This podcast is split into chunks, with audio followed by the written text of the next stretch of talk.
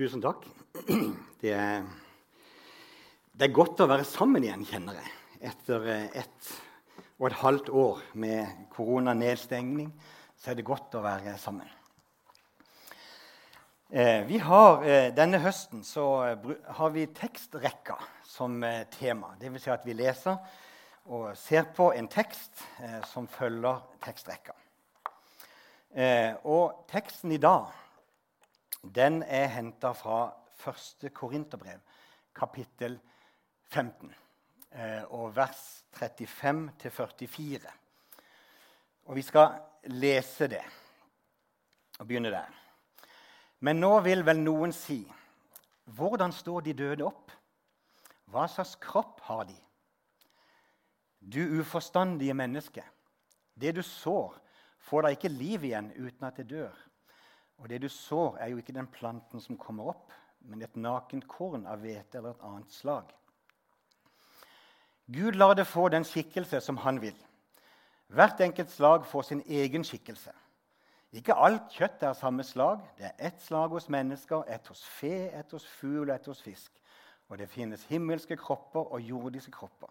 De himmelske har én glans, de jordiske en annen. Én glans har solen, en annen har månen, og en annen igjen har stjernene. Ja, én stjerne skiller seg fra en annen i glans. Slik er det også med de dødes oppstandelse.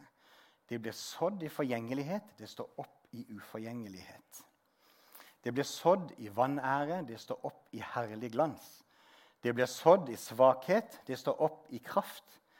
Det blir sådd en kropp som hadde sjel, det står opp en åndelig kropp.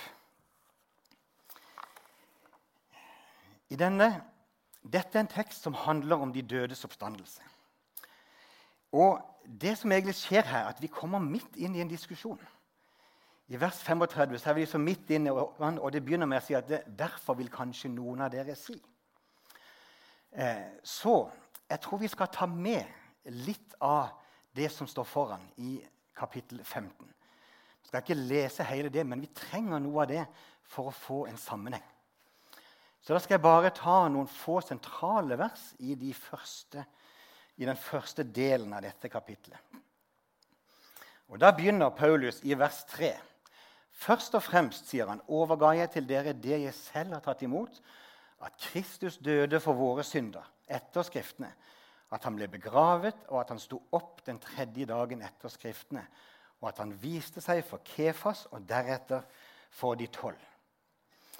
Og I vers 12-14 står det Men når det blir forkynt at Kristus er stått opp fra de døde, hvordan kan da noen blant dere si at det ikke finnes noen oppstandelse fra de døde? For hvis de døde ikke står opp, da er heller ikke Kristus stått opp. Er Christ, men er ikke Kristus stått opp, da er vårt budskap tomt. Og deres tro er også tom. Og I vers 17 så sier han men hvis Kristus ikke er stått opp, da er deres tro uten mening, og dere er fremdeles i deres synder. Vers 19 står det hvis vårt håp til Kristus bare gjelder for dette livet, er vi de ynkeligste av alle mennesker. Men nå er jo Kristus stått opp fra de døde som førstegrøden av dem som er sovnet inn. Så sier han i vers 24.: Så kommer slutten når han overgir sin kongsmakt til Gud, sin far, etter at han har tilintetgjort alle makter, myndigheter og krefter. For han skal være konge helt til Gud har lagt alle fiender under hans føtter. Den siste fienden som blir tilintetgjort, er døden. For alt la han under hans føtter. Og så skriver han hvis de døde ikke står opp, så la oss spise og drikke, for i morgen dør vi. Det er, og så Etter det så kommer da den siste delen av kapitlet, som vi leste først. Det Paulus sier her, det er det at de dødes, de oppstandelse er en helt nødvendig forutsetning for vår tro. Jeg vet ikke om dere har merket, men Det har skjedd noe i vår kultur i de siste årene. Og Vi lever nå i en tid som blir regna som en postkristen kultur. Altså en etterkristen tid. Altså, det er en kultur som har vært bygd på de kristne verdier. Og, men nå vender seg vekk. Og det skjer over hele den vestlige verden akkurat nå. Og Et kjennetegn med, den, med, det er ikke bare at de har forlatt troen, men de vender seg mot Gud. Så vi ser at kulturen vår vender seg mot Gud. Det er en som heter Mark Sayers, som jeg veldig, har hatt stor glede av å lese. En, en, pastor fra Australia, Melbourne i Australia, en veldig liberal by. Han har skrevet en bok som heter 'Disappearing Church'.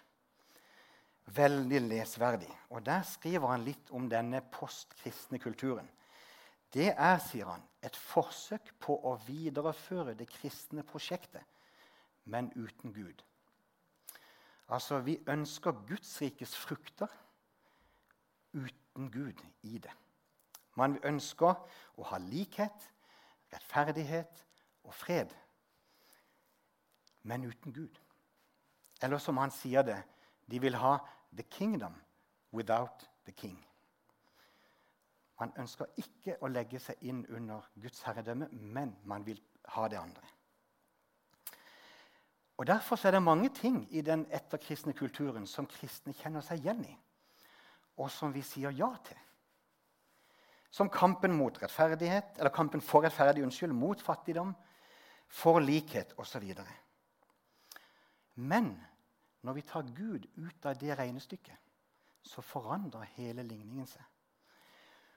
Og vi står igjen med en rettferdighet og en likhet som er langt fra det kristne utgangspunktet. Og mange syns at denne utviklingen er skremmende. Vi ser at skritt for skritt så bygges det ned det som vårt samfunn har vært bygd på. Og Vi merker at de, motstanden øker mot de som stiller spørsmålstegn ved det som skjer. Og Da kommer dagens tekst og snakker rett inn i dette. Det Paulus snakker om her, er egentlig to ulike måter for kristne å leve livet sitt på. Den ene er et scenario der Jesus ikke har stått opp, og der alt handler om livet her på jorda. Og Det andre det er et scenario der Kristus har stått opp, og han regjerer som konge i sitt rike. Og Hva vi tenker om dette, er mer viktig enn vi kanskje er klar over.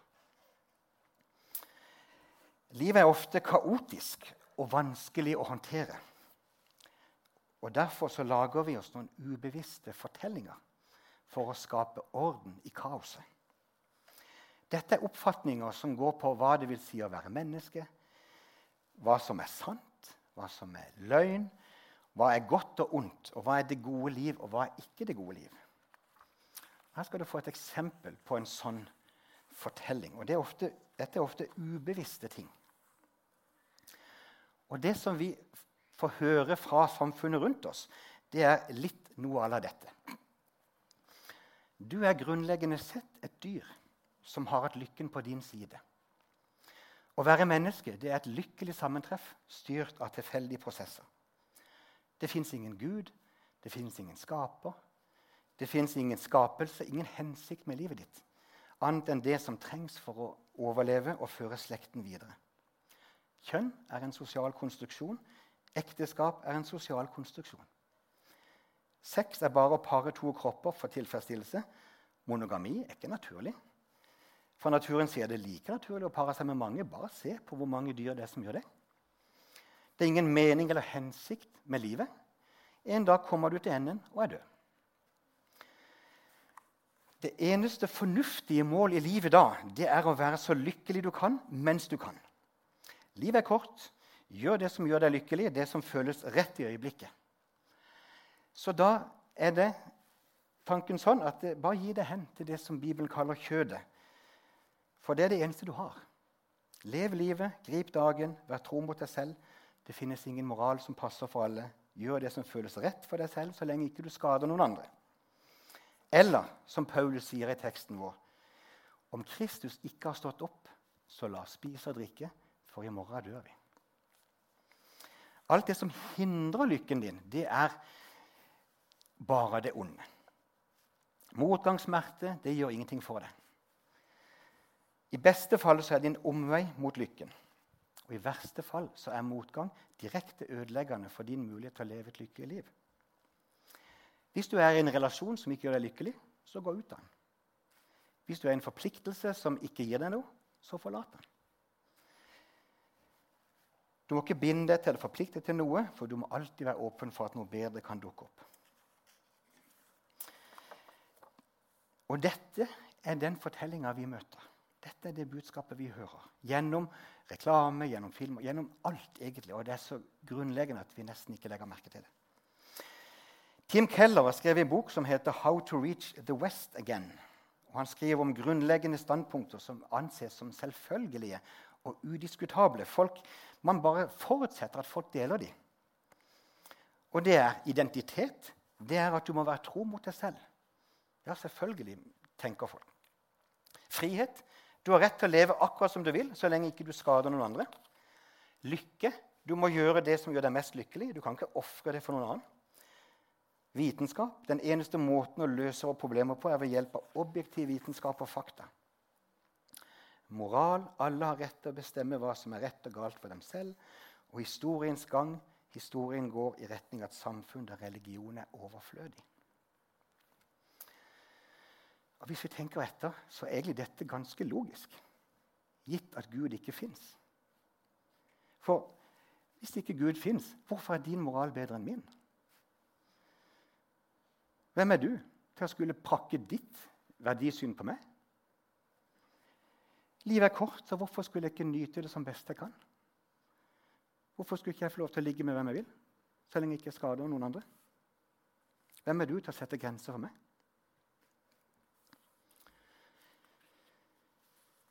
Så kan vi holde den fortellinga opp mot en annen fortelling som Bibelen sier. Og den er sånn.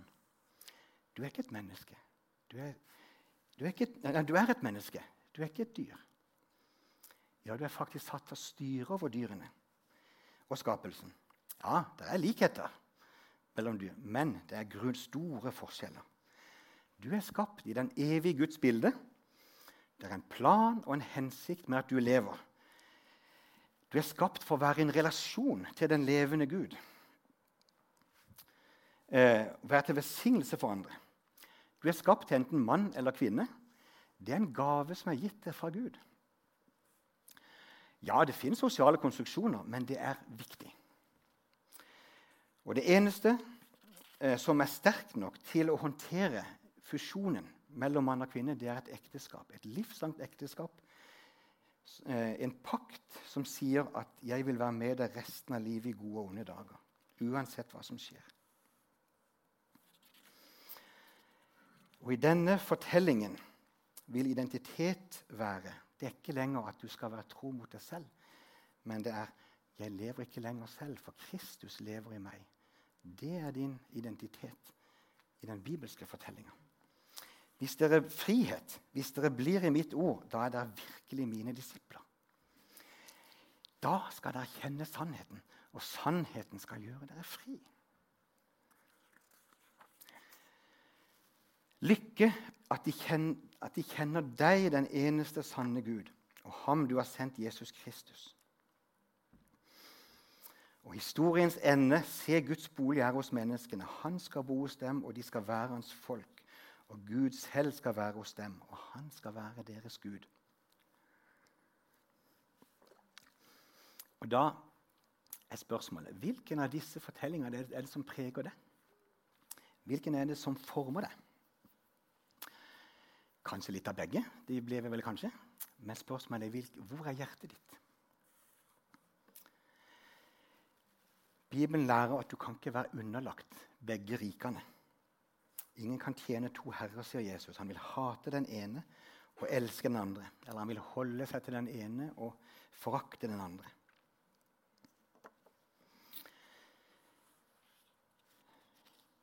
Kristne, vi, vi kristne har alltid tenkt på seg sjøl som pilegrimer. Vi hører ikke til her. Vi er på gjennomreise. Og det er en viktig ting å ta med seg. Vårt mål er et annet sted. Vårt mål er i himmelen.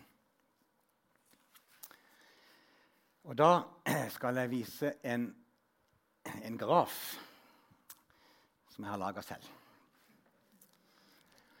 Mange tror, har en oppfatning om at dette viser kristendommens innflytelse på samfunnet de siste 1000 år.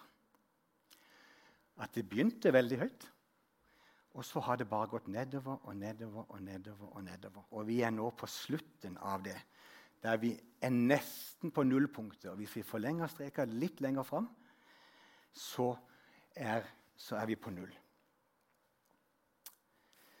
Eh, det er sånn som mange tror. Men sannheten er at det er litt mer sånn som dette. Og når jeg ser på denne, så blir det veldig tydelig for meg hvorfor jeg ikke har satsa på en karriere som grafisk designer. Eh, for denne har jeg tegna med frihånd sjøl på PC-en. Men dette her gir faktisk et bedre bilde av hvordan ting har vært. Det har vært sånn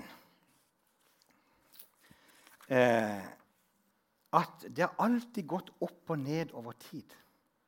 Det har vært perioder med frafall, og så har det vært perioder med fornyelse igjen. Og det er klart, Hvis du er på en nedoverbakke her, så virker det som om det bare går nedover og nedover.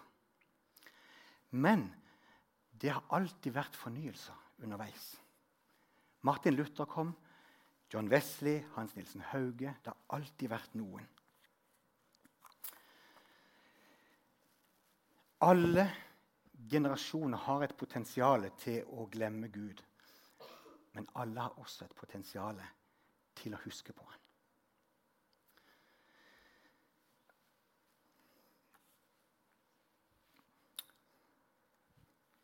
Da israelsfolket hadde vendt seg mot Gud lenge nok, så kom dommen.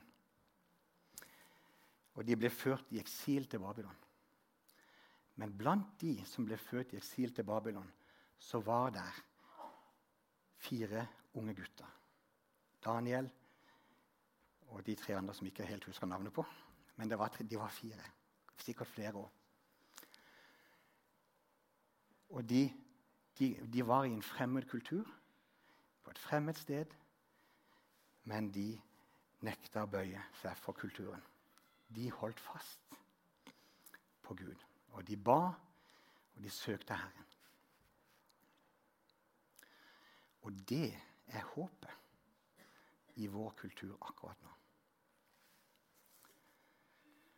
At det er noen som holder fast, selv når hele strømmen av kulturen går motsatt vei.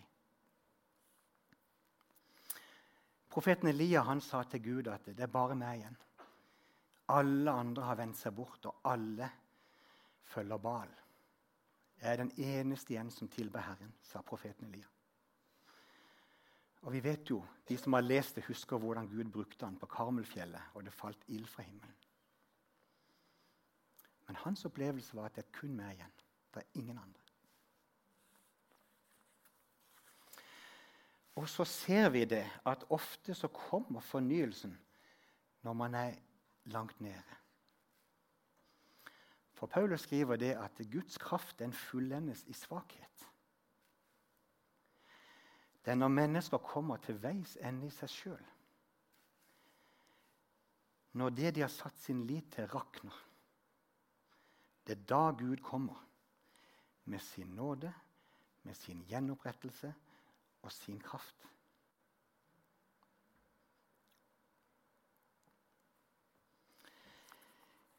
Og hva er det vi setter vår lit til? For kristne mennesker kan det være kanskje vi tenker sånn at ja, det skjer ting, men vi har fortsatt et lovverk som gir oss beskyttelse. Som gjør at vi kan oppdra barna våre i troen. Men hva om det faller? Hva, vi, hva har vi da? For andre kan det være ting som det å ha en jobb, det å ha et godt utseende, god helse og andre ting. Og Når man ser, leser blogger og ser YouTube, og sånn, så ser vi jo at det, det, ofte er det sånne ytre ting som folk setter sin lit til. Den sekulære fortellinga har ikke noe svar i møte med menneskers smerte, lidelse og død. det er noe som man ikke vil forholde seg til. Og Derfor så ser vi at når katastrofer inntreffer, og når mennesker kommer i en sånn situasjon, hvor søker de da? Jo, de søker til kirka. Og Den sekulære fortellingen om at vi går mot et bedre samfunn uten Gud, den vil slå sprekker. Den vil slå feil. For samfunnet er fylt med smerte, lidelse og død. Og da er det bare Gud som kan nå helt inn til dypet av et menneskes hjerte. Kanskje vi er nedi her et sted. Vi har sett at det har gått nedover og nedover. Og så er spørsmålet hvor kommer Hvor er det vi når det punktet der? Og da har vi en utfordring, og den kommer fra Jesus sjøl. I Matteus 7 så sier Jesus.: Vær den som hører disse mine ord og gjør det de sier, ligner en klok mann som bygde huset sitt på fjell. Regnet styrta, elvene flommet, og vinden blåste og slo mot huset. Men det falt ikke, for det var bygd på fjell. Og hver den som hører disse mine ord og ikke gjør det de sier, ligner en uforstandig mann som bygde huset sitt på sand. Regnet styrta, elvene flommet, og vinden blåste og slo mot huset. Da falt det, og fallet var stort. Når trykket utenfra blir sterkt, sånn som det nok kommer til å bli for oss, da gjelder det å være godt fundamentert. De fleste av oss vi kjenner mennesker som har vært med i kristne sammenhenger. De har stått og gjort ytre sett de rette tingene, men i dag så bekjenner de ikke lenger troen. For det skjedde noe på veien. På et eller annet sted på veien så begynte de å ikke lenger gjøre Jesu vilje. Og de falt. Og vi har sett kristne ledere som har falt stort. Og det, Hvis ikke dere har sett det, så vil dere se det seinere, for det kommer til å skje igjen. Å være disippel det betyr ikke å prøve, men å øve. Ofte tenker vi sånn at ja, nå skal jeg lese og be, nå skal jeg gjøre det. Og så går det en stund. Nei, det funker ikke. Men alle vi som vet hva det er å øve, vi vet at man feiler gang på gang. Og Når du vil leve for Jesus, så vil du feile. Men Gud vil reise deg opp igjen. Jeg tror at Gud kaller noe, oss som kirke til kanskje tilbake til noe av det, det gamle som har fungert. Vi er i en kultur som, der alt er grenseløs frihet. Ingen, ingen, kan pålegge meg noe, ingen kan gjøre noe. Jeg vil gjøre akkurat som jeg vil. Løsningen fra Guds rike da, det er å legge seg under hans autoritet og være hans disippel.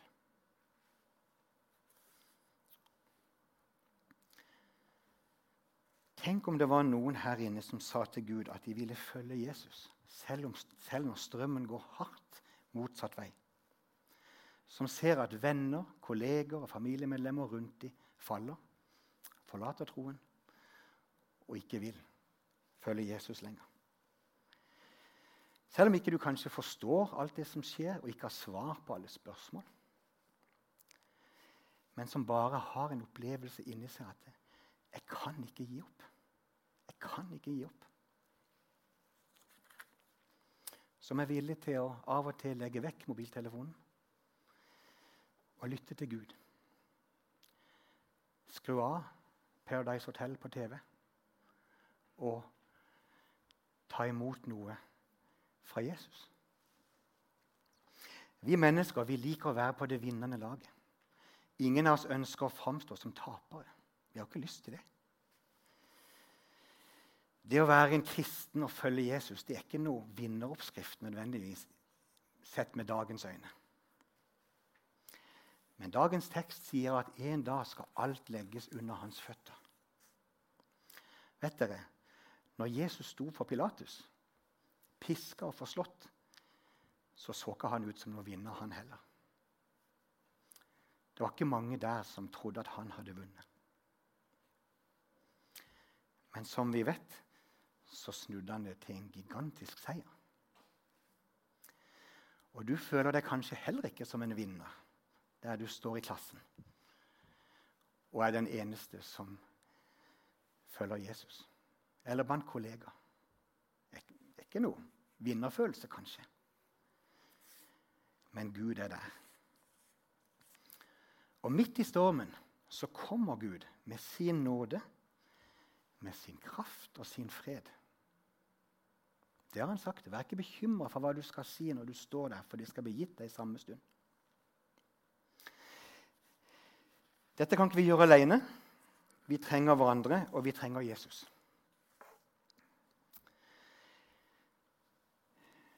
Så løsningen hva, Hvordan skal vi leve som kristne nå i vårt samfunn? Det er tilbake til det gode, til evangeliet, som har vist seg å holde. Jesus sier, 'Bli i meg, så blir jeg i dere.' Slik som greinen ikke kan bære frukt av seg selv, men bare hvis den blir på vintreet. Slik kan heller ikke dere bære frukt hvis dere ikke er i meg. Jeg er vintreet, dere er greinene. Den som blir i meg, og jeg i ham, bærer mye frukt. For uten meg kan ikke dere gjøre noen ting. Enkelt og greit. Dette er ditt og mitt kall nå. Salme 1 sier, 'Salig er den som ikke følger lovløses råd', 'ikke går på synderes vei og ikke sitter i spotteres sete', men har sin glede i Herrens lov og grunner på Hans lov dag og natt. Han er like tre som er planta ved rennende vann. Det gir frukt i rett tid, og løvet visner ikke. Alt han gjør, skal lykkes. Slik er det ikke med de lovløse. De er lik agner som spres for vinden. Derfor kan ingen skyldige bli stående i dommen. Ingen syndere i flokken av rettferdige. For Herren kjenner veien de rettferdige går, mens de urettferdiges vei fører vil. Vårt håp er ikke bare til denne verden.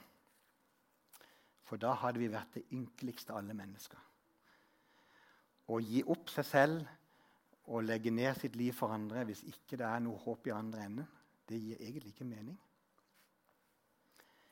Nei, men vårt håp er til Kristus, som har stått opp av graven, og som nå regjerer i sitt rike. Og En dag skal vi være med Han. der. Amen.